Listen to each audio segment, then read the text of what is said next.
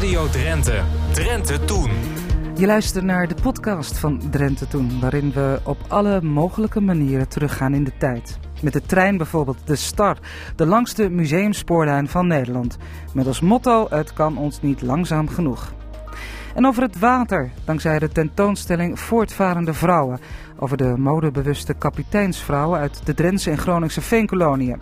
Zij brachten de nieuwste snufjes mee van hun internationale zeereizen. En dan maakten ze nog winst mee ook. Dus de paraplu, de echte grootschalige introductie, kwam dankzij de kapiteinsvrouwen die in Parijs geweest waren. En dachten van, nou, daar zit wel een handeltje in. Dus die gingen paraplu's importeren om dat weer aan boerinnen te verkopen.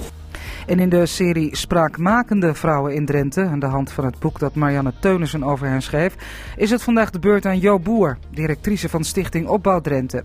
We hebben haar ook op band. In 1950 ontving zij toenmalig koningin Juliana toen die Drenthe bezocht. En de meisjes hebben haar iets aangeboden dat ze zelf gemaakt hadden. Een viltcorsage die door vier van de meisjes voor de prinsessen gemaakt was. En haar majesteit heeft dit in ontvangst genomen en heeft zich met de meisjes onderhouden over de cursus die daar gegeven werd. En hoe ging het vroeger met de aanleg van de waterleiding in Drenthe? Nou, we horen het uit de eerste hand, want zo lang geleden is het nog helemaal niet. En dat deed je allemaal gewoon met de hand. Alles met, met, met, met, met mannen. En, ja, we gingen een groepje van tien man op de fiets. Sommigen op de bronfiets. En dan had je een kar erachter en dan trok je van de ene dorp naar het andere dorp. En sommigen die hadden ook wel, die bleven een week lang in een dorp. En Heilien Tonkens vertelt over het oude Drentse boerenerf en hoe zij graag ziet dat dat in stand wordt gehouden. Verder Old Nice, mooie oude radio en een jeugdherinnering van Wiebe Kruijer. Dit is Drenthe Toen. Sophie Timmer. Radio. Voordat we gaan luisteren naar Marianne Teunissen, die onze spraakmakende vrouw van deze week belicht, eerst een duik in het archief om te luisteren naar de vrouw zelf, Johanna Boer, of zoals de meeste mensen haar kenden, Jo Boer, groot in het Drentse opbouwwerk. 1950 is het. Toenmalig koningin Juliana bezoekt Drenthe en de stichting Opbouw Drenthe doet mee.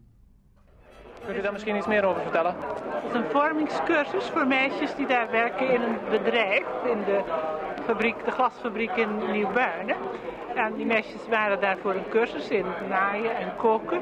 En haar majesteit is daar binnen geweest, heeft met de plaatselijke commissie gepraat en is ook in de kookles geweest. Heeft in de pannetjes gekeken en de meisjes hebben haar iets aangeboden dat ze zelf gemaakt hadden. Een viltcorsage die door vier van de meisjes voor de prinsessen gemaakt was. En haar majesteit heeft dit in ontvangst genomen en heeft zich met de meisjes onderhouden over de cursus die daar gegeven werd. Is deze cursus, uh, loopt die al lang, juffrouw Boer? Die cursus loopt daar al enige jaren, maar het is eigenlijk de bedoeling dat ieder meisje twee jaar deze cursus volgt. Dus de meisjes wisselen en de cursus die loopt daar al een aantal jaren. En gebeurt dat op vrijwillige basis of is het verplicht? Geheel vrijwillig en de meisjes doen het ook helemaal in hun vrije tijd. Jo Boer, dat is kort voor Johanna Boer. Een bijzondere vrouw, geboren in 1906, overleden in 1985. Bij mij aan tafel Marianne Teunissen. Die schreef een boek over spraakmakende vrouwen in Drenthe uit heden en verleden. Ja, Marianne, welkom. Um, als ik aan jouw boer denk, dan denk ik aan Opbouw Drenthe. Ja, dat klopt. Zij was directeur van Opbouw Drenthe. En zij heeft uh, heel veel uh, betekend ook voor nou, wat we nu kennen als het welzijnswerk, zeg maar. En um, ja, zij is geboren als uh, uh, de oudste dochter van een domineesgezin in Zuid-Holland. Ze kwam niet uit Drenthe. En ze had best wel een bijzondere situatie. Het was een intellectueel, maar ook best wel arm gezin. Terwijl haar moeder studeerde ook rechten in die tijd. Dus dat, dat zegt wel iets. En um, haar vader was uh, theoloog, dominee. En um, zij hadden, uh, zij moest eigenlijk, het was een arm gezin. Zij moest als oudste dochter voor de andere kinderen zorgen. Maar zij wilde graag studeren. Dus uiteindelijk waren die kinderen min of meer zelfstandig, al haar broertjes en zusjes. En toen heeft ze gezegd, nu wil ik studeren. En dat Ja. is gelukt. Ze Ja. dacht zelf van, ik word dan wel directeur van een kinderthuis. Dat was iets wat ze in haar, ja, dat beeld had ze voor ogen. En uiteindelijk heeft ze heel veel gedaan ehm, voor Drenthe. Ja, zij, eh, zij eh, was zoals heel veel vrouwen eh, van haar generatie lerares. N- naar het schijnt, dat heb ik ook in je boek gelezen, was ze reizend lerares. En ontmoet ze op een gegeven moment Jaap Kramer, die we hier in Drenthe ook kennen als meester Kramer, in de trein. Ja, En zo komt zij in dat opbouwwerk in Drenthe terecht. Zij was, ehm, hij heeft haar eerst gevraagd en toen heeft ze geweigerd in eerste instantie. Ze is toen wel gaan kijken. Ehm, dat opbouwwerk in Drenthe is ontstaan in de jaren twintig, toen de crisis kwam. Eh, de turfwinning werd, werd natuurlijk veel minder. En zij vond het echt, nou, zij was echt ge- gechoqueerd door wat ze zag. Ehm, en ik denk dat daar toen wel een soort, nou ja, uiteindelijk heeft ze dus wel, eh, is ze bij Opbouw Drenthe gewerkt. In eerste instantie onder inderdaad eh, Ja. Kramer. En later werd ze zelf directeur vanaf 1951. Wat ik wel mooi vind is een citaat van haar in jouw boek. eh, alsof je naar een ontwikkelingsland gaat. Ja, Zo beschreef ze Drenthe. Ja. Het was natuurlijk ook bar en boos. En ook in Den Haag stond het op de agenda. Maar ja, het was een eh, mevrouw uit Den Haag, zoals ik lees. Dat werd niet meteen overal geaccepteerd, of hoe ging dat? Nee, nee, ze dachten echt van, oh die mevrouw, jij moet ons even hier komen laten zien hoe het werkt. dat, dat, ja, dat zijn we natuurlijk niet gewend, dat hoeven we niet. te- Maar zij heeft er wel voor gezorgd, zij werd ook omschreven als heel, ehm, ja, eh, zij maakte heel snel contact met mensen, was heel gedreven. ehm, dus, dus zij heeft uiteindelijk hier wel de weg goed kunnen vinden. Ja, Het werd Eh, ook een voorbeeld voor de rest van Nederland uiteindelijk. het opbouwwerk hier in ja, Drenthe. ja, hè? dus hoe zij dat Ja, aanpakte. ja. Ehm, in de oorlog eh, duikt ze onder. Ja, zij eh, wilde niet werken voor de Duitsers. Dat weigerde ze. En dat is eigenlijk wel mooi, want dat hebben bijna al die vrouwen die we bespreken, hebben dat gemeen. En dat, ja, dat vind ik toch wel een soort. Ja, Ja, wa- wa- waar gaat zij, waar komt ze terecht?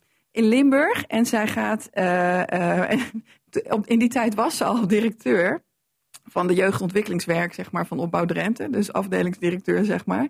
Dus best een hele belangrijke positie. En toen werd ze dienstmeisje.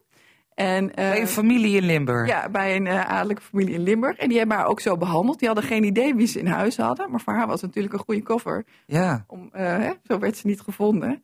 En zij heeft ook heel eh, netjes dat huishoudelijk werk gedaan. Maar die familie, dat is de anekdote, schijnt achteraf wel geschrokken te zijn geweest wie ze in huis hadden. Dat ze de Die ze als directeur, dienstmeid eh, hadden Nou, behandeld. Ja.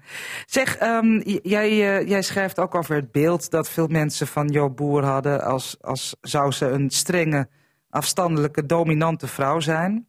Ja, dat, dat is maar inderdaad je wel... brengt daar ook wel nuances in aan, hè? Precies, want als ik dan verder, toen ik verder zocht, ik- hè, dat, dat- zo wordt ze wel eens omschreven, strenge afstandelijke dominante vrouw. Maar ehm, nou, ik zeg dan ook in mijn boek, hè, tegenwoordig zouden we haar misschien meer zakelijk noemen of een goede leidinggevende. Maar het andere beeld dat ik ook heel heb gehoord van mensen die dus echt met haar gewerkt hebben en die dus niet van afstand, eh, is dat van een zorgzame en warme vrouw die heel goed kon delegeren, heel betrokken was. En dat is toch het beeld dat haar medewerkers schetste. Naast het welzijnswerk heeft Jo Boer ook ehm, eh, een studie gemaakt over eh, een dorp in Drenthe. Nou, zij werd eigenlijk wel een beetje verliefd op Drenthe en hoe we hier eh, samenleven. Zij heeft echt een. ze is iets eerder met pe- pensioen gegaan en ze heeft Dorp in Drenthe geschreven over Zwelo en de aanverwante dorpen.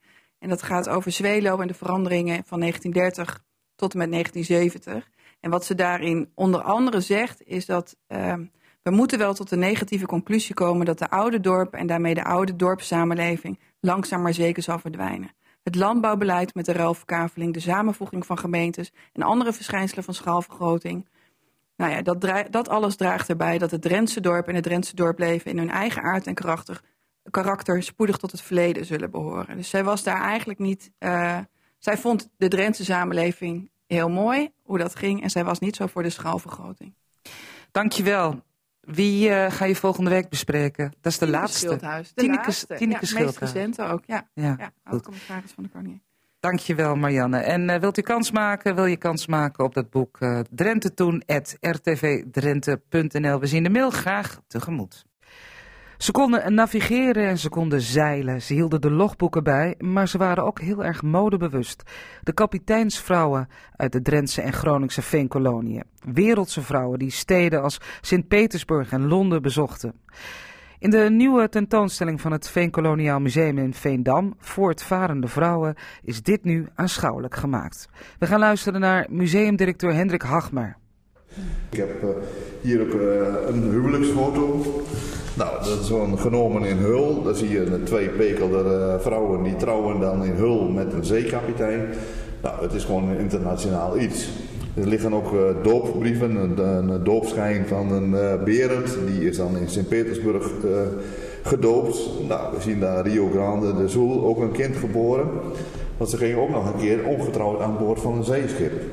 En dan zeggen heel veel mensen, ja, maar waarom gingen ze nou ongetrouwd? Of ze doen stam- familieonderzoek en dan denken ze, Hoe kan dat nou? Ja. Grootmoeder was ongetrouwd. Hoe kan dat nou? En dan gaan ze trouwen in Engeland. Maar het was het puur, om, je moest er ook over kunnen om op zee te gaan. Je zit natuurlijk wel de hele dag op zo'n schip. Je kon zeeziek worden. Uh, verveling slaat ook heel vaak toe. Mensen denken altijd alleen maar aan storm en ontij. Maar soms lag je drie, vier weken te dobberen en gebeurde er niks. Nou, dan zit je wel drie, vier weken lang in zo'n hokje. Je tegen kunnen. En uh, allemaal mensen om je toe, die maar de hele tijd om je toe hangen. Je moet er wel tegen kunnen. Ja. Dus zo'n vrouw die ging mee op proef als het ware. Ja, en daarna werd er pas getrouwd. Ja, als het uh, haar beviel en zei van nou, het is mij wel uh, goed, dan, dan trouwen ze. Dat zien we trouwens ook in de Drentse veenkolonie. Gasten van Nijveen moeten we ook niet vergeten. Zeevaart ook enorm belangrijk. Natuurlijk ook via de Hunsen al heel gauw uh, dat turf geëxporteerd werd naar Amsterdam en Rotterdam. Nou, op het moment dat jij over de Zuiderzee gaat, ben je als het ware al een soort van zeevarende. Heb je al een doop gehad? Ja. ja. Dat is ook niet niks. Nee, klopt. Nee. Zeg, en uh, ik zie daar ook een, uh, een term hangen boven een van die foto's, trendsetters. Ja, op het gebied van mode waren ze echt trendsetters. Je ziet dus ook dat ze op een gegeven moment gewoon helemaal stoppen met de vloddermuts. Wat de boerinnen natuurlijk wel heel lang uh, bleven dragen. Maar als jij in Engeland komt of je komt in uh, New York en je loopt met een vloddermuts rond. Ja, iedereen kijkt je aan van wat is dat voor een buitenaards wezen. Dus je ziet dat die kapiteinsvrouwen heel snel stoppen. En daar is ook weer een publicatie van dat er eerst protesten zijn. Dat ze dat maar te werelds vinden in de veenkoloniën. Maar ze leggen zich er op een gegeven moment bij neer dat het gewoon die vrouwen dus in een soort van stadse dracht de Parijse mode hier door de veenkolonie lopen. Maar er was eerst wel verzet tegen. Van, nou, dan komt er in één keer in de kerk zo'n vrouw zonder vloddermuts en uh, oorijzer. Wat is dit nou? En je kunt ook zien, we hebben daar ook een hele mooie foto van mevrouw Dick Duintje rechts. Die trouwt ook in uh, Newcastle. Zijn huwelijksfoto is dat. Nou, ze draagt een uh, Victoriaans kapsel. En geen vloddermuts. Het is een hele mooie foto. Een hele wijde pagodemouw heeft ze ook. En het allermooiste is dat wij van deze mevrouw ook haar kleding hebben die ze gedragen heeft. Dus die staat daar in de hoek. Oh, er staat op een ja. mooie, mooie paspop staat die, uh, die jurk daar ja. uitgestald. En dat is echt haar jurk van die vrouw op die foto. Ja, dat is, uh, die heeft zij gedragen. We kunnen zien dat ze niet zo groot was. Uh, maar wat wel opvallend is dat ze een enorme lange omslagdoek heeft. Die is meer dan 5 meter lang. En wij weten uit de Veendammer Courant dat uh, na de Napoleontische tijd de veenkoloniale vrouwen uh, omslagdoeken gingen importeren. Dus dat gingen de boeren ook dragen, maar ook paraplu's. Dus de paraplu, de echte grootschalige introductie, kwam dankzij de kapiteinsvrouwen die in Parijs geweest waren. En dachten van, nou, daar zit wel een handeltje in. Dus die gingen paraplu's importeren om dat weer aan boerinnen te verkopen. Oh, dus er zat ook nog een soort handelsgeest in. Ze hadden ook een handelsgeest in, ja. Ze wisten wel, je ziet ook in correspondentie wel dat bijvoorbeeld een boerin vraagt van, nou, uh, neem even dat en dat voor me mee uit Sint-Petersburg. Of neem servies voor mij mee. Of neem Riga en Nappen mee. Maar je ziet ook heel vaak dat ze zeggen van nou neem die en die kledingstukken mee. Want die zien natuurlijk ook van ja die vrouwen lopen er mooi modieus bij. En wij moeten een beetje in die oebollige stofjes rondlopen. Dus die vroegen ook echt aan de vrouwen van neem het mee van ons. Ja, dan zou je denken van nou ja, op zo'n schip zitten, dat is, dat is allemaal geen weelde.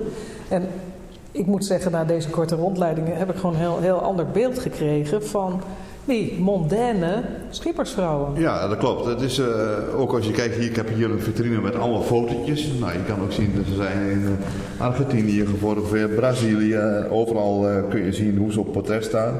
Je kunt ook zien dat ze allemaal vrij rijk gekleed zijn. Dat wil niet zeggen dat het altijd rijkdom was, want als een schip verging, uh, kon het ook best wat zijn, ondanks het weduwe- en wezenfonds, dat een familie ook in één keer helemaal aan de grond zat. Dat de schulden zo hoog waren dat het niet meer te betalen was. Ik weet dus van één kapitein ook waar bij het schip overvaren is door een Engelse stoomboot. En die heeft 25 jaar lang geprocedeerd om zijn geld te krijgen. Kreeg hij dus niet uit Engeland.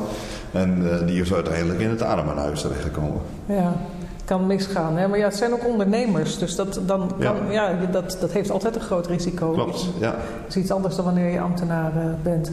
Je bent nog uh, volop bezig met inrichten ja, ja. Uh, van deze tentoonstelling. wat heb jij nu op dit moment dat we hier staan nog even te doen? Nou, we moeten nog wat dingetjes ophangen en er komen nog wat bijschriften in de vitrines bij. En verder ben ik zelf bezig om toch een kleine publicatie te maken. Want er duiken gewoon zoveel leuke brieven op die, uh, waarvan ik denk van ja, daar moet je gewoon iets mee doen. Ook eh, dingetjes wat eigenlijk gewoon Facebook-achtig is. Waarbij een, een kapiteinsvrouw het heel jammer vindt dat haar vriendin er niet komt. Want eh, haar moeder die steunt er helemaal niet met allemaal leed wat ze gehad heeft. En eh, ze bedelt als het ware dat die vriendin toch eventjes moet komen. Ja, ja. Mooie persoonlijke inkijkjes Ja, ja, ja, ja. in die eh kapiteinsvrouwenlevens. Je hebt hier ook een heel groot eh, eh, foto hangen van een eh, tweetal graven. Met eh, grafstenen met, met, met schepen erop afgebeeld. Wat is dit? Dat is een graf van Jantje Hazenwinkel, is nog steeds te zien hier in Veendam. Overigens ook meer graven van eh, kapiteinsvrouwen. Op deze staat een heel leuk gedicht. Hier rust, o wandelaar, mijn teer beminde vrouw. Zij die mij heeft vergezeld met liefde, deugd en trouw. Op het zeemans moeilijke pad, de woeste zoute baren. Daar is haar ziel verhuisd en van mij heen gevaren. Haar lijk bracht ik naar hier, naar deze dodenakker. God, hoop ik, maak mij eens aan hare zijde wakker. Nou, het, is natuurlijk een, het geeft wel duidelijk weer dat hij ook zijn vrouw heel erg lief heeft gehad. En ook eh, zelfs ervoor gezorgd heeft dat ze geen zeemansgraf kreeg, maar in Veendam begraven is. U hoorde een bijdrage van Lydia Tuinman en de expositie is tot en met 26 januari 2020 nog te zien in het Veenkoloniaal Museum in Veendam. Old Nijs. Voor ligt de provinciale Drijnse en Azerkraant van 27 april 1921. Dus alweer krap aan 100 jaar oud. En ook toen hadden ze in de kraan wel oog voor bijzonder nijs. Dat nijs kwam overal vandaan en kwam terecht in de rubriek allerlei. Een merkwaardig geval, zo begint de krant, van buitengewone bekwaamheid in het oplossen van rekenkundige vraagstukken bij iemand die overigens zeer achterlijk was. Ja, stiet terecht. Het was een persoon die totaal blind was en hele moeilijke berekeningen kon uitvoeren, zoals de v-kanswortel van elk getal van vier cijfers, dat deren in vier seconden, de dademachtswortel van een getal van zes cijfers, deren in zes seconden, en, zo meldt de krant, hij gaf de derde machtswortel van 465.484.375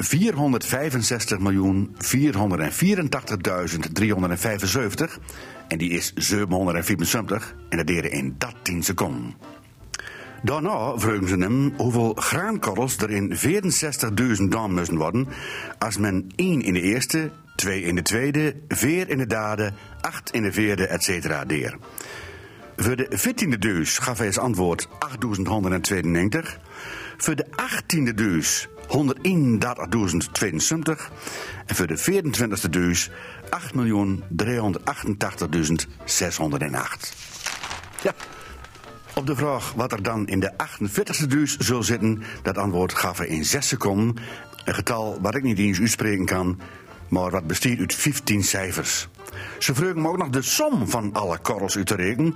Dat gaven na 45 seconden en dat is een getal van 20 cijfers. Tja, dezelfde persoon kan de datum van pauzen in elk willekeurig jaar uitrekenen. En hij wist ook direct het antwoord te geven in zowel de Gregoriaanse als ook voor de Juliaanse tijdrekening. En zo concludeert de krant. Zulk een onbegrijpelijke kunde is te onverklaarbaarder waar de patiënt van zijn geboorte al blind is geweest. Tja, inderdaad een heel bijzonder verhaal. Wel heel jammer is dat de naam van die persoon onbekend bleven is. Dat geldt niet voor een andere bijzonder persoon waar melding vermaakt wordt in diezelfde krant. En dat gaat over een snelle typiste. Het gaat om mevrouw Rose Fritz. Want, zo meldt de krant, zij bezit het Amerikaanse snelheidsrecord op de schrijfmachine. Toen ze 15 jaar was, heeft een reiziger in schrijfmachines haar ontdekt. Ze schreef toen al opvallend vlug en haar geheel eigenaardig gevormde hand scheen gegroeid voor het toetsenbord. De reiziger stelde haar voor aan de fabrikant van schrijfmachines, die haar dadelijk een zeer voordelig contract aanbood als zij de machines der fabriek wilde beproeven voor aflevering en met dit merk op snelheidswedstrijden wilde uitkomen. Sindsdien heeft ze 40 eerste prijzen gewonnen. Voor elke wedstrijd traint ze zich, eet lichte kost, wandelt veel, doet aan gymnastiek en wordt ze op een wedstrijd eventjes zenuwachtig, dan is de kans verkeken en kan ze niet verder schrijven. Haar hoogste record is 265 woorden in de minuut, maar dan korte woorden en voorkomende in een stuk waarvan het thema haar bekend is. Moet ze iets overtikken waarin een haar onbekend onderwerp wordt behandeld, dan haalt zij slechts, tussen aanhalingstekens, 155 woorden per minuut. Tjonge, die kunnen rap typen. Nog rapper als ik praten kan. En dat is rap zat.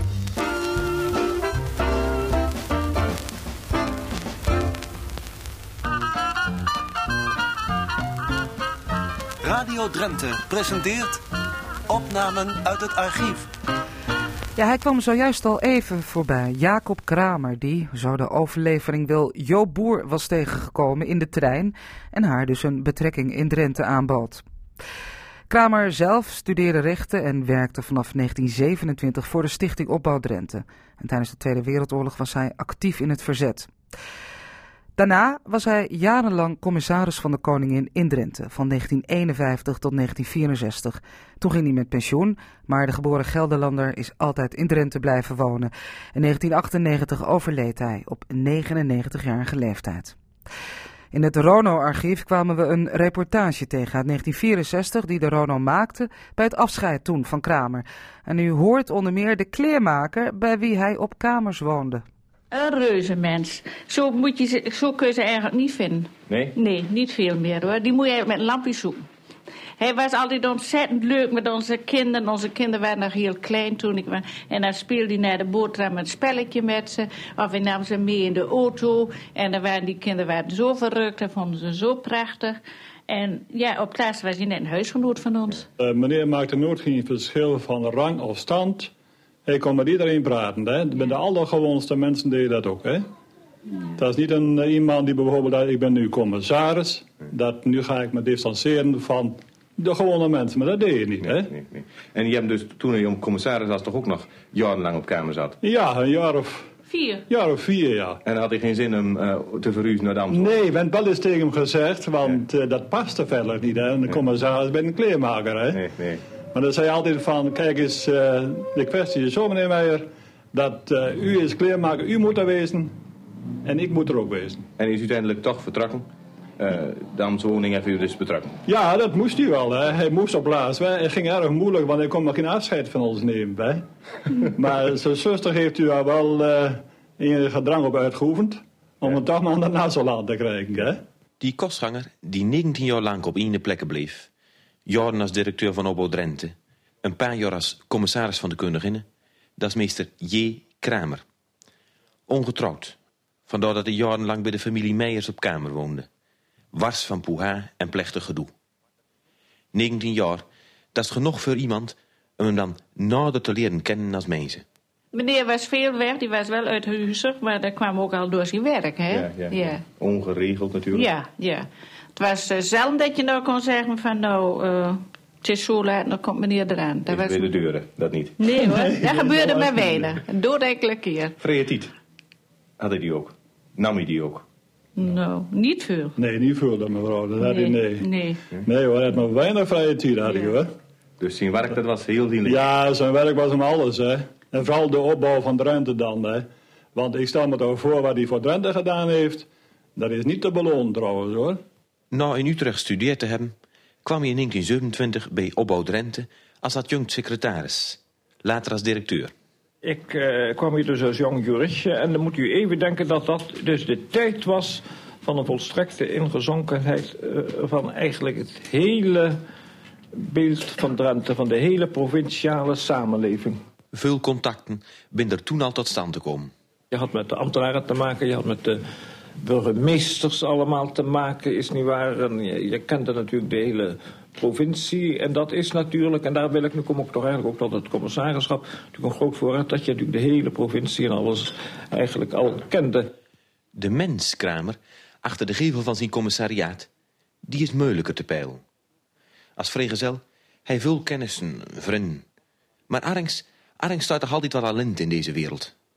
Maar een vriend van hem, de heer Sperna Weiland, kent hem al van voor zijn commissariswezen. Ja, ik ken hem langer. Eh, al van de tijd het begin opbouw Drenthe. Maar eh, wij hebben in de loop van de tijd nauwer contact gekregen. En dat, dat contact dat, eh, heeft zich vooral gevormd in het zwembad. Als ik zo zou mogen zeggen, dan is de band die ons samen bindt... koud water, koffie met lekkere cake gemaakt door zijn zuster en een sigaar. Want ons zwemmen vormt een hele ceremonie waar het allemaal bij te pas komt. Maar wie zwemt er harder? Oh, hij zwemt veel harder. Ja, ja hij eh, zwemt heel hard. Ja, ja. Is er ook echt trots op dat hij hard zwemt. En wil heel graag eh, harder zwemmen dan een ander. Museum Spoorlijn Star heeft een droom. Heraanleg van de lijn van Stadskanaal naar de Hondsrug. Nou ja, of deze wens zo realistisch is, is een tweede. Maar het zou mooi zijn als die lijn weer door zou lopen. En je moet altijd blijven dromen natuurlijk. Naar Gieten gaat wellicht niet lukken, maar er zijn meer mogelijkheden. En om daar meer over te horen liep Serge Vinkenvleugel, uh, groot treinfanaat, afgelopen zomer een stukje op met de voorzitter van Museum Spoorlijn Star, Pieter Hofstra. Nou ja, kijk, wij zijn liefhebbers van het spoor. Vooral het spoor van ongeveer 100 jaar geleden. Wat veel mensen niet weten is dat ook in dit deel van het land, Drenthe, Groningen, er vroeger een heel fijn net lag. We staan hier vlak bij de golfbaan de bij Gasselte. Dat was Stadskanaal. En hier had je een splitsing. Die ging over Buinen, Exlo, Valte, Weerdingen naar Emmen. Dat kunnen veel mensen zich niet meer herinneren. En deze ging door naar Gieten. En dan over Rolde, het stationnetje staat er nog, is een leuk woonhuis daar, naar Assen. Dat hadden we 100 jaar geleden. En dat is allemaal weg.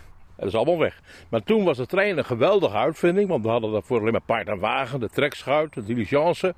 Dus dat was een geweldige sprong vooruit. Later kregen we de auto, waardoor ook het spoor weer helemaal in deze gebieden weer is helemaal afgekalfd.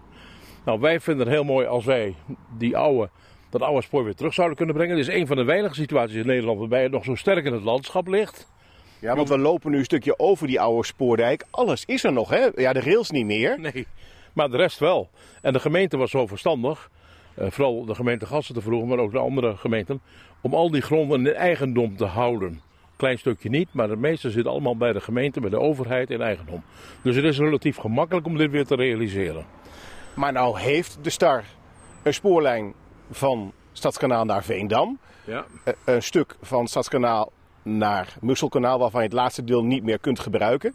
Waarom zou de Star er nog een stukje spoorlijn bij moeten hebben? Nou, daar is één heel belangrijke reden voor. Dat is dat de Hondsrug, dit gebied, is heel aantrekkelijk voor toeristen, voor dagrecreatie, voor verblijfsrecreatie. En dat zijn mensen die graag met onze trein gaan.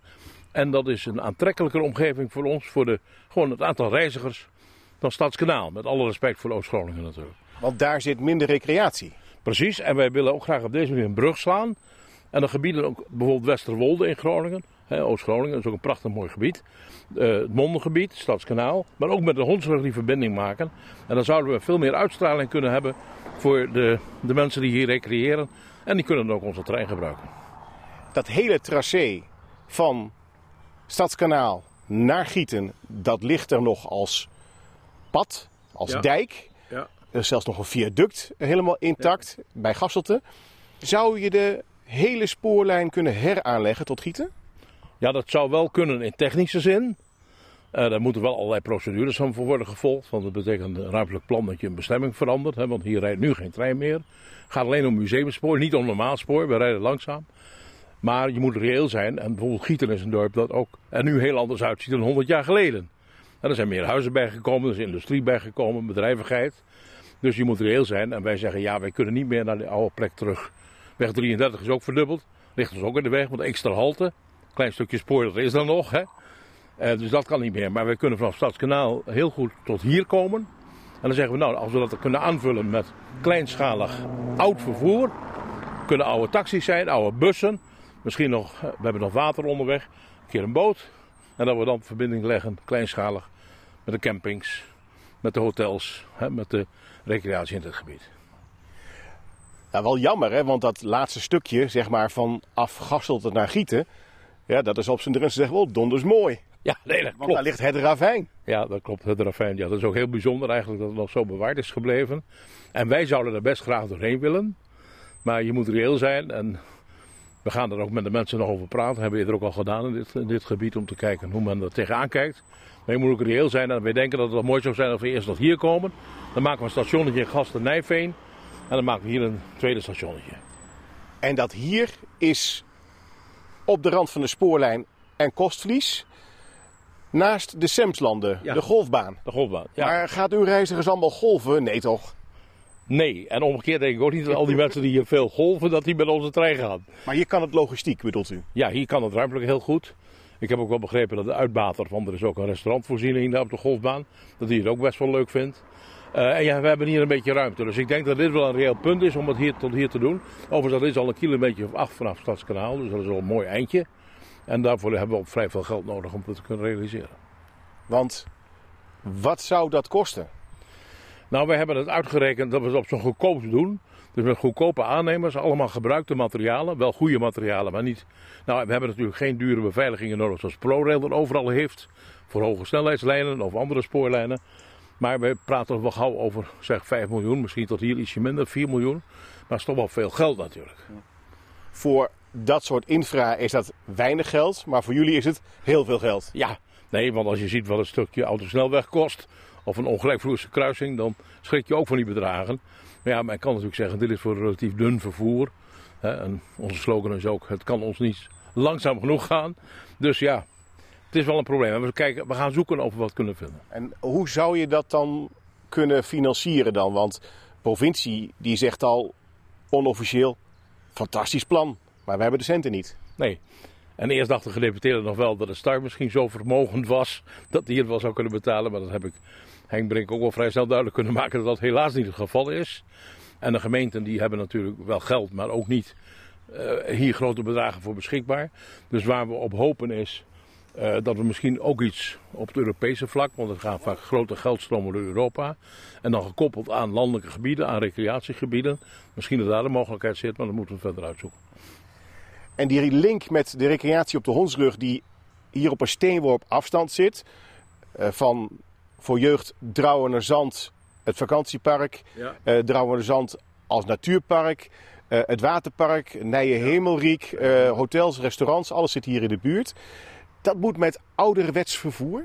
Nou ja, maar kan ook op de fiets. Hè? Als ik, ik was net even in Borgen en je ziet hoeveel mensen daar ook even door het dorp fietsen of even afstappen bij een, een uh, cafeetje. Dan uh, kan men heel gemakkelijk, zeker in de zomer, dit ook per fiets bereiken.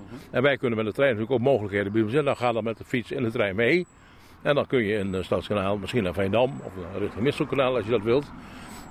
Maar het kan ook aantrekkelijk zijn om te zeggen, nou, we, we, gaan, we hebben een afspraak met het busmuseum in Hoge Zand. En we zetten allemaal oude bussen in die we nog van vroeger kennen. Gado-bussen of Marnedienstbus. En dat vinden mensen ook misschien best leuk. Dus dan kunnen we op maat kunnen we daar dingen regelen. Nou is het ook al sinds de jaren 70 een echt prachtig wandelpad geworden. Ja. Mensen gaan hier ook met paard en wagen overheen ja. soms. Je ziet heel ja. veel mountainbikers. Ja. Er wordt heel veel gewandeld, ruiters. En er is natuur omheen gegroeid. Ja. Wat denkt u? Ja. Is het haalbaar? Nou ja, kijk. Want die mensen willen natuurlijk allemaal dat het een prachtig pad is. Precies, precies. Maar aan de andere kant, als ik zie met onze stoomlocomotieven hoe, mensen, hoe prachtig mensen dat eigenlijk ook vinden. Het gaat niet snel, dus veiligheid is eigenlijk geen punt. Uh, samengebruik met die functies is ook best mogelijk. Pad dus we, en spoor? Ja, ja, niet altijd op dezelfde plek, maar misschien dan daarnaast. Want we hebben uiteraard heel veel begrip voor die nieuwe functies die dit traject gekregen heeft. Maar misschien dat we het toch weer kunnen combineren met de oude functie. Ja, wie weet, dat ligt in de toekomst besloten en zullen ook heel veel partijen en lokale overheden mee moeten doen. Maar ja, het kan ons niet langzaam genoeg gaan, zei hij al, hè? voorzitter Hofstra. Mooie slogan hoorde u in een bijdrage van Serge Vinkenvleugel. Zometeen meer over de bijen, de, Drentse bijen, die, uh, die heel Nederland doortrokken in zogeheten bijenwagens. En ook Heilien Tonkens, eerste deel van een nieuwe serie over uh, de geschiedenis van het boerenerf en de tuin in Drenthe. Groen, nu en toen, zeg maar. Maar eerst duiken wij in de geschiedenis van de waterleiding in Drenthe. Tot diep in de jaren 60 duurde het voordat heel Drenthe leidingwater had. Lydia Tuinman ging op pad met oud-gedienden van de waterleidingmaatschappij Drenthe, de WMD, die nog veel bijzondere herinneringen hebben aan die lang vervlogen dagen. Jan Eefting, altijd gewerkt bij de, bij de WMD. Vanaf uh, welk jaar? 1969. Ik ben van de LTX gekomen en gelijk in dienst bij de WMD. Dat is uh, 50 jaar geleden. 50 jaar geleden. Toen was alles nog een beetje primitief. Hè? Ja, want, want wat, was jouw, eh, wat was jouw werk? Mijn eh, werk was hulpfitter. En dan had jij, nu, nu noemen ze dat monteur, maar toen was dat gewoon hulpfitter. Ik werd, kreeg een berichtje van je moet eens solliciteren bij de WMD. Heb ik gedaan, ben ik aangenomen. Als een broekie kom je daar binnen. En dan was het s'morgens van, nou jij bent Jan, ja, nou, dan heb je een schop en dan moet je het meedoen. Nou, en dan ging je op ik had uh, gelukkig een bromfiets, maar daar waren de, de grondwerkers. Die hadden allemaal de fiets. Die gingen dan vanaf het uh, kantoor, magazijn, naar het eerste Exelmond op de fiets.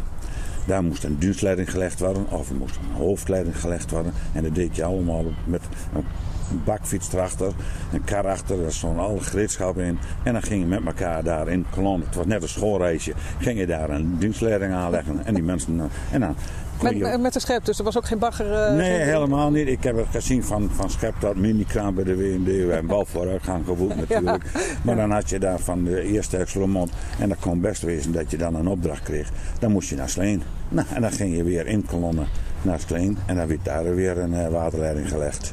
En had je nou ook een pak aan van de WMD? Nee, Nee, nee, je moest zelf maar zorgen voor, uh, voor werkkleding. En, uh, je kreeg een schop en een paar laarzen en dat was het. En dan overal of zo, daar moest je zelf maar voor zorgen. Verder was er helemaal niks.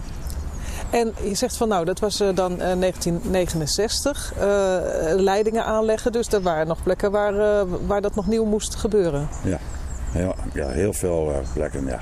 Vooral als je, nou ja, en, en mijn kompas die kant erop, daar, daar had je wel putten, maar er was ook niet geweldig uh, drinkwater ervan.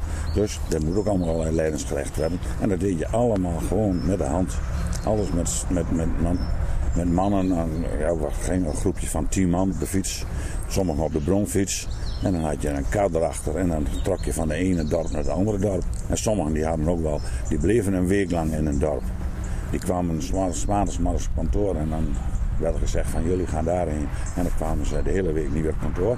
En dan, en dan ze ook niet uh, terug te fietsen zeker? Dat, nee, kon ze, lekker blijven daar? Ze konden daar blijven. En dan, vanaf het werk gingen ze naar huis. En dan volgende morgen weer op de fiets. Weer daar naartoe. En zo ging de hele Zuidoost-Drenthe gingen ze door. dat is gewoon van Emmen naar Weideveen of naar met dalen overal ging je op de fiets heen. Dat was heel normaal in die tijd. En niemand klaagde erover niet van... God, moeten we vandaag 100 eh, meter spitten of, uh, of, of, 20 meter. Dat was, alle dagen was het gewoon. En dan weer in wind. Hm. Je had ook geen schaftgelegenheid niet. Als het ging regenen, nou ja, dan deed je een jas over de, om over de schouders. En dan ging je achter een boom staan. En, en, een plakje brood eten en, en, een kop koffie drinken. Ja, dat deed je maar gewoon aan, aan de kant van de sleuf. Mm -hmm. Dat was heel normaal. Ja, dat zijn barre tijden. Dat waren zeker barre tijden, ja. En bij winterdag ook.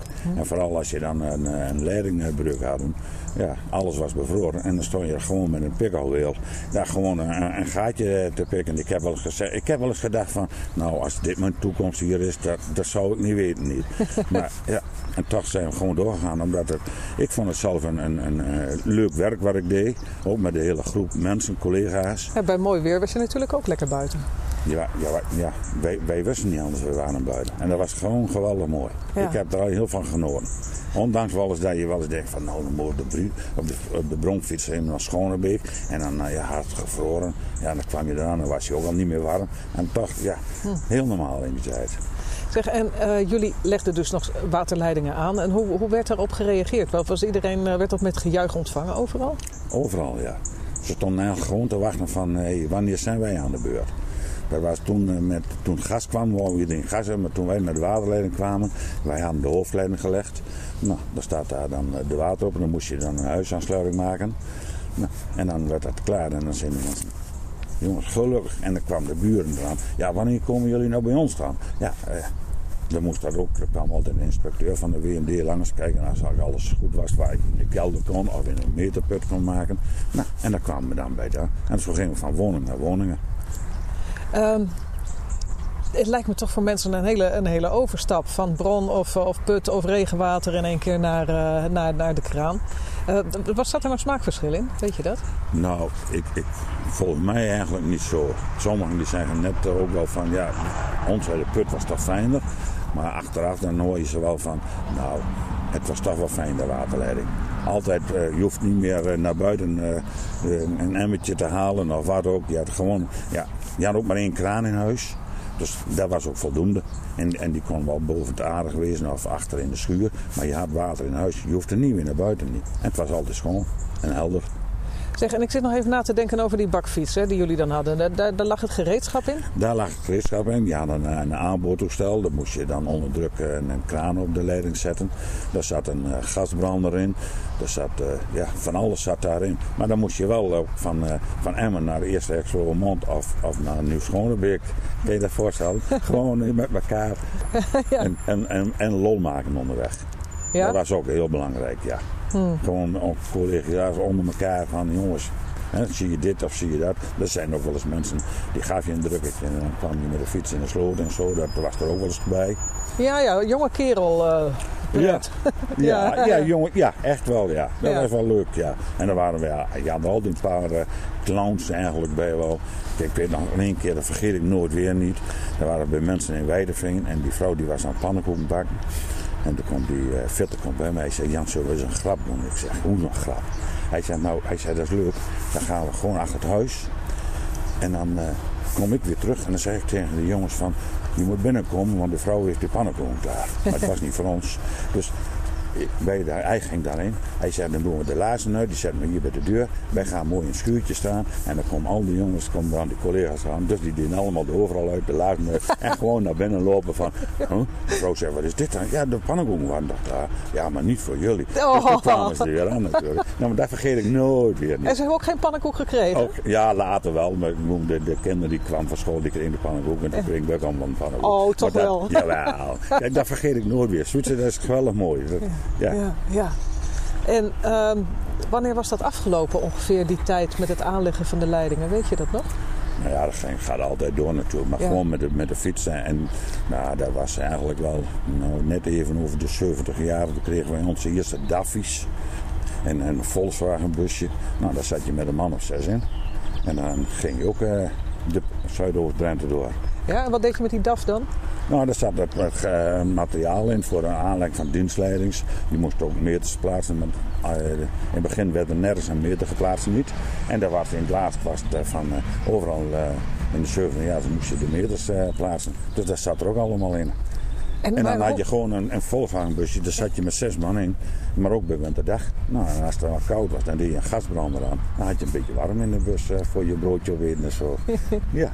En, en dan later, ja, dan werd het natuurlijk heel modern natuurlijk. En er een mini-kraan en zo. Dus het werd al uh, wat beter. Ja. Nou, ja, mensen die kunnen het niet zien, maar jij staat echt uh, met een grijns van oor tot oor vanwege ja. al deze mooie herinneringen. Nou, dat is ook zo. Als ik ja. dan uh, nog wel eens zie, als je, ik heb dan zien Emmerhout, heb ik op zien groeien. Ik heb Bargeres op zien groeien, de Riet, Rietland, de Delftland. Maar als je dan gewoon Emmerhout hebt, al die woningen zijn gewoon met het schopje aangelegd. Hè? Al die leidingjes werden erin gespeeld. Ja. Dus dan kunnen we nagaan dat er heel wat...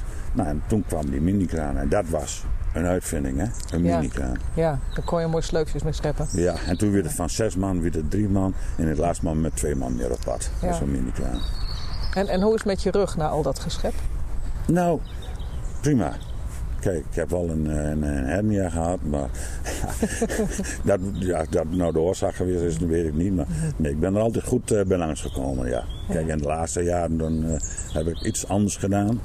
Toen was ik toezichthouder en dat beviel me heel goed.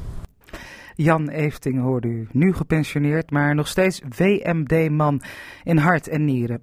Volgende week gaat het gesprek over de storingsdienst, communicatie via de toen hypermoderne mobilofoon en over DAF-reparatieauto's met luidspreker op het dak. Een kijkje in de geschiedenis van de Drentse dieren. Onze dierenexpert Henk Luning uit Assen diepte weer een interessante geschiedenis op, ditmaal over de Drentse bijen. En die bleven niet waar ze waren hier in Drenthe.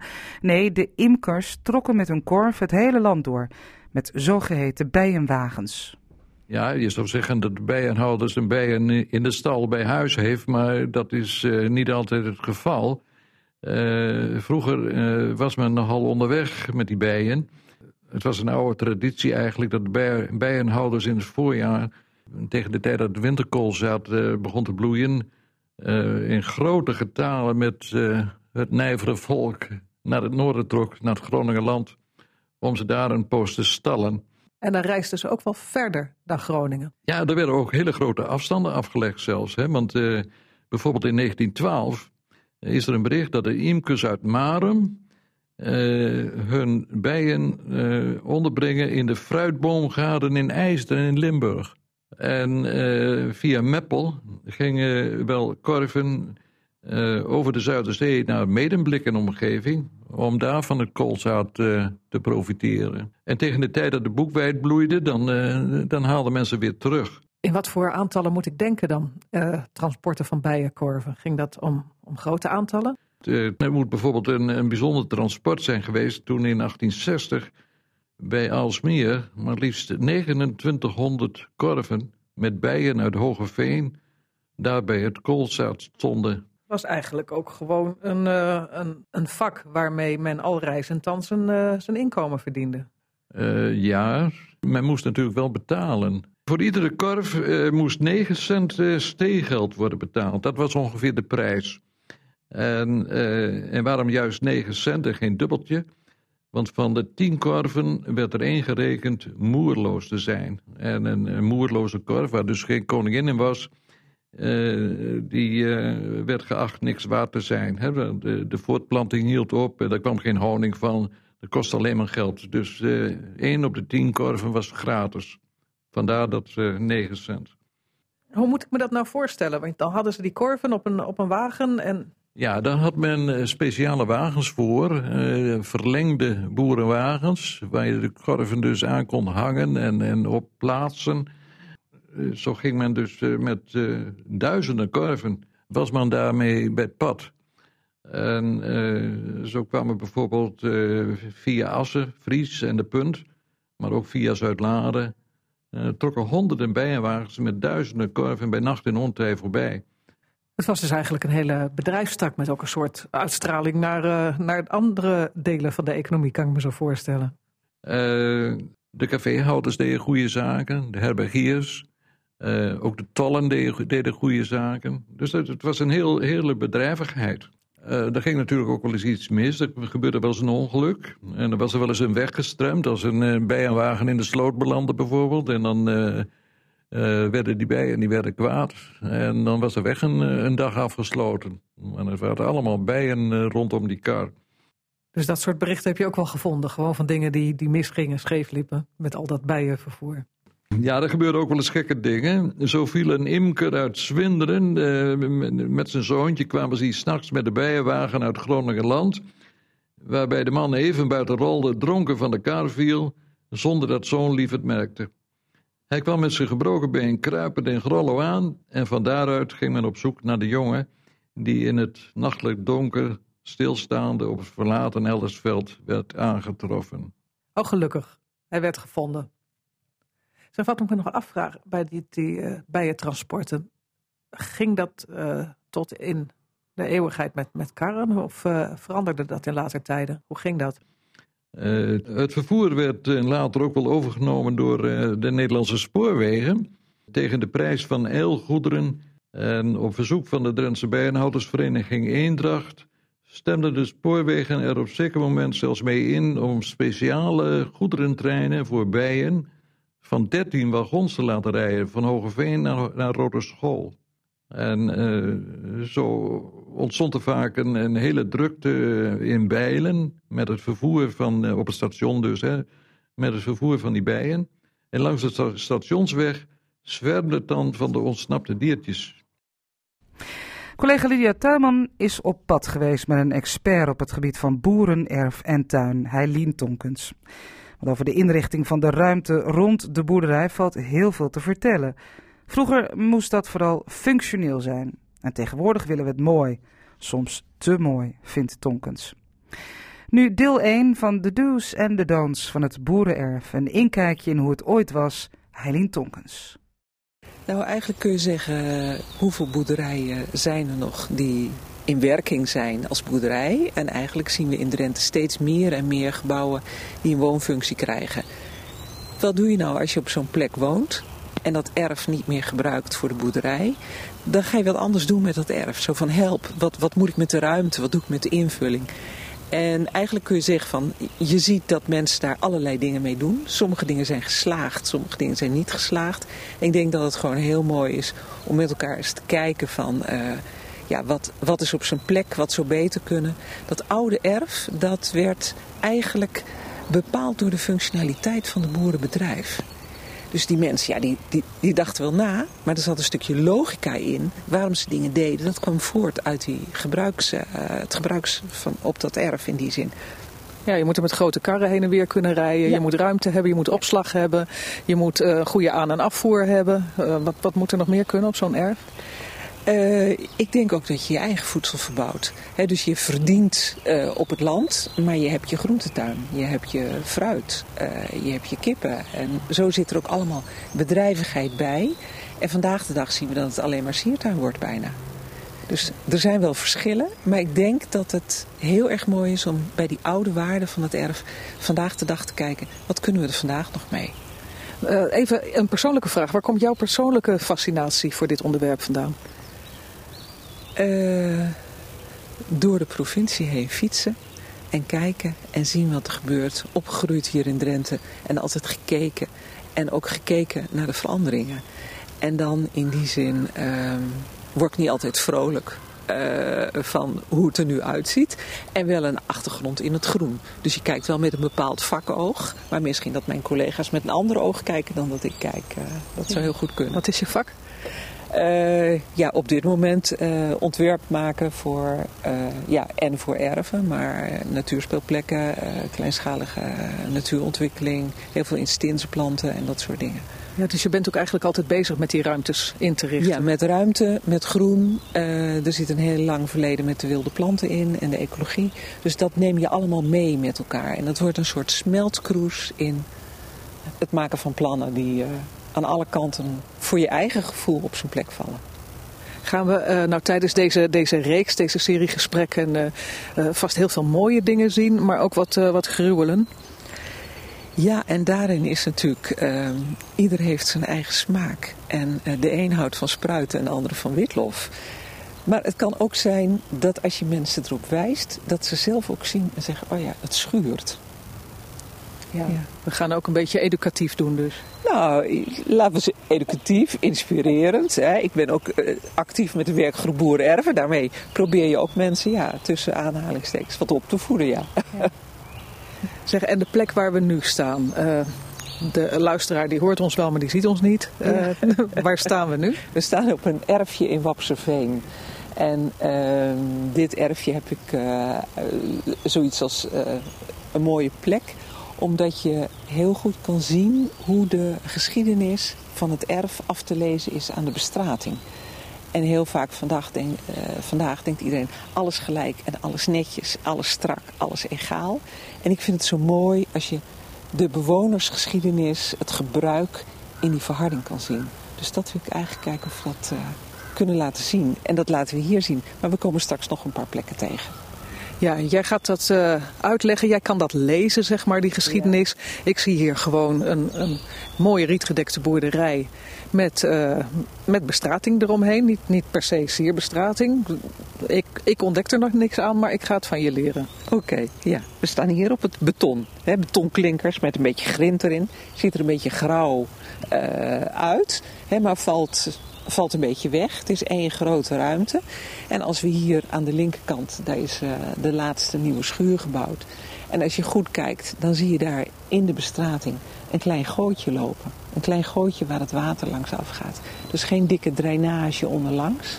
Maar in die bestrating zit als het ware een, ja, een molgootje. Om dat regenwater van die schuur en van het erf wat afloopt, daar eh, af te voeren. Ja, mooi ondiepe geul in de bestrating meegenomen. Dat is dus eigenlijk iets eh, wat je eh, vroeger deed.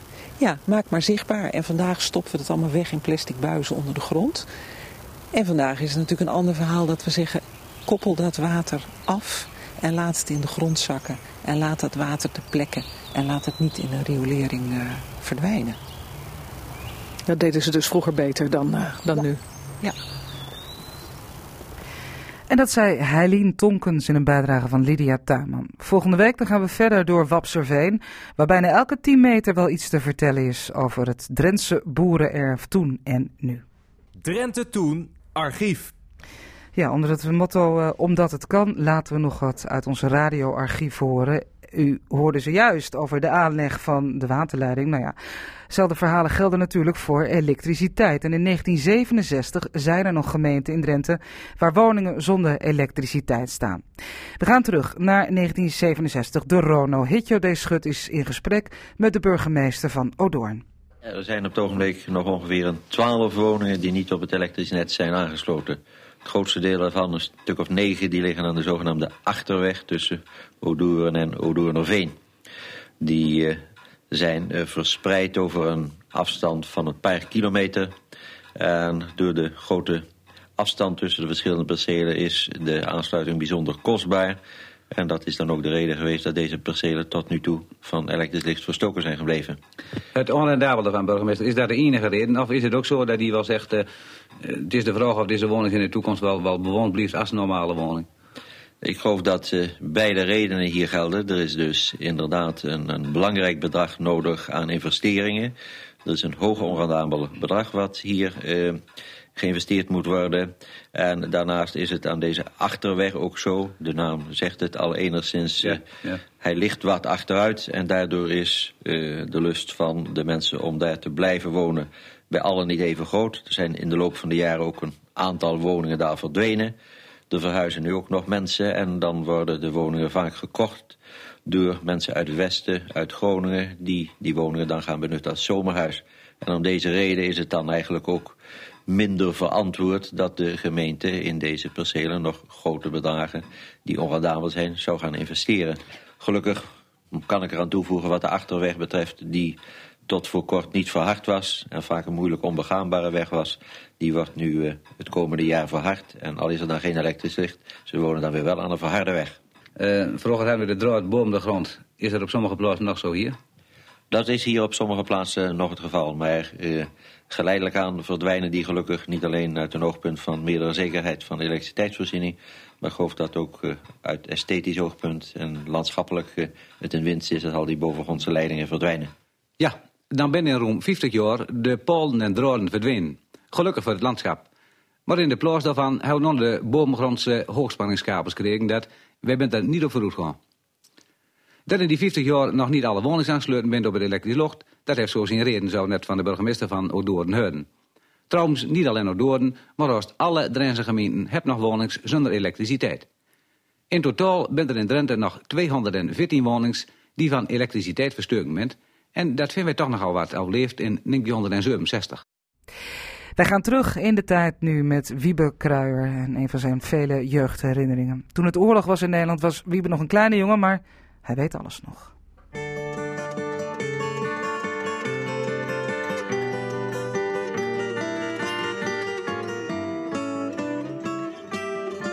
Het laatste oorlogjaar luidde de hongerwinter in. Het westen van het land werd geïsoleerd en van de rest van de wereld afgesloten. Voor een gebied met een dergelijke bevolkingsconcentratie had dat grote en rampzalige gevolgen. Er ontstond een dramatisch tekort aan voedsel. Veel mensen, vooral ouderen, zieken en kinderen, hebben als gevolg van ondervoeding die winter niet overleefd. Uit nood kwamen sommige mensen vanuit Zuid-Holland helemaal op een gammele fiets naar het noorden om voor hun gezin wat te eten te halen. Een bottleneck vormde daarbij de brug over de IJssel bij Zwolle. Daar moest iedereen over en daar werd ook iedereen door de Duitsers en de landwacht gecontroleerd. Volgens de verhalen gebeurde het niet zelden dat de mensen daar hun moeizaam verkregen voedselpakketje alsnog moesten afgeven. De weduwe Lindeboom, die schuin tegenover ons woonde, had doorgaans twee of drie kostgangers. Halverwege de oorlog werd ook mevrouw Hogeraad van Duinen, een oude dame uit Holland, bij haar ingekwartierd. Voor haar hospita kwam zij regelmatig bij ons melk halen. Met haar hoge stem liet mevrouw Hogeraad zich dan graag gaan in het vertellen van door haar duidelijk overdreven verhalen. Ze vertelde eens aan mijn moeder dat ze het die nacht zo vreselijk koud had gehad. Ik wist wel hoe dat kwam. Ik had de dag daarvoor met een zwieper een dekseltje van een stroblikje weggegooid. En dit ding zeilde meters ver door de lucht en raakte een slaapkamerraampje bij mevrouw Lindeboom. Het erbij vrijgekomen rinkelende geluid liet niets te raden over. De volgende dag kwam mevrouw Hogeraad nog eens verslag uitbrengen. Ze had toen pas ontdekt dat er een raampje stuk was en vroeg zich af hoe dat dan wel kon. Ik heb haar niet wijzer gemaakt.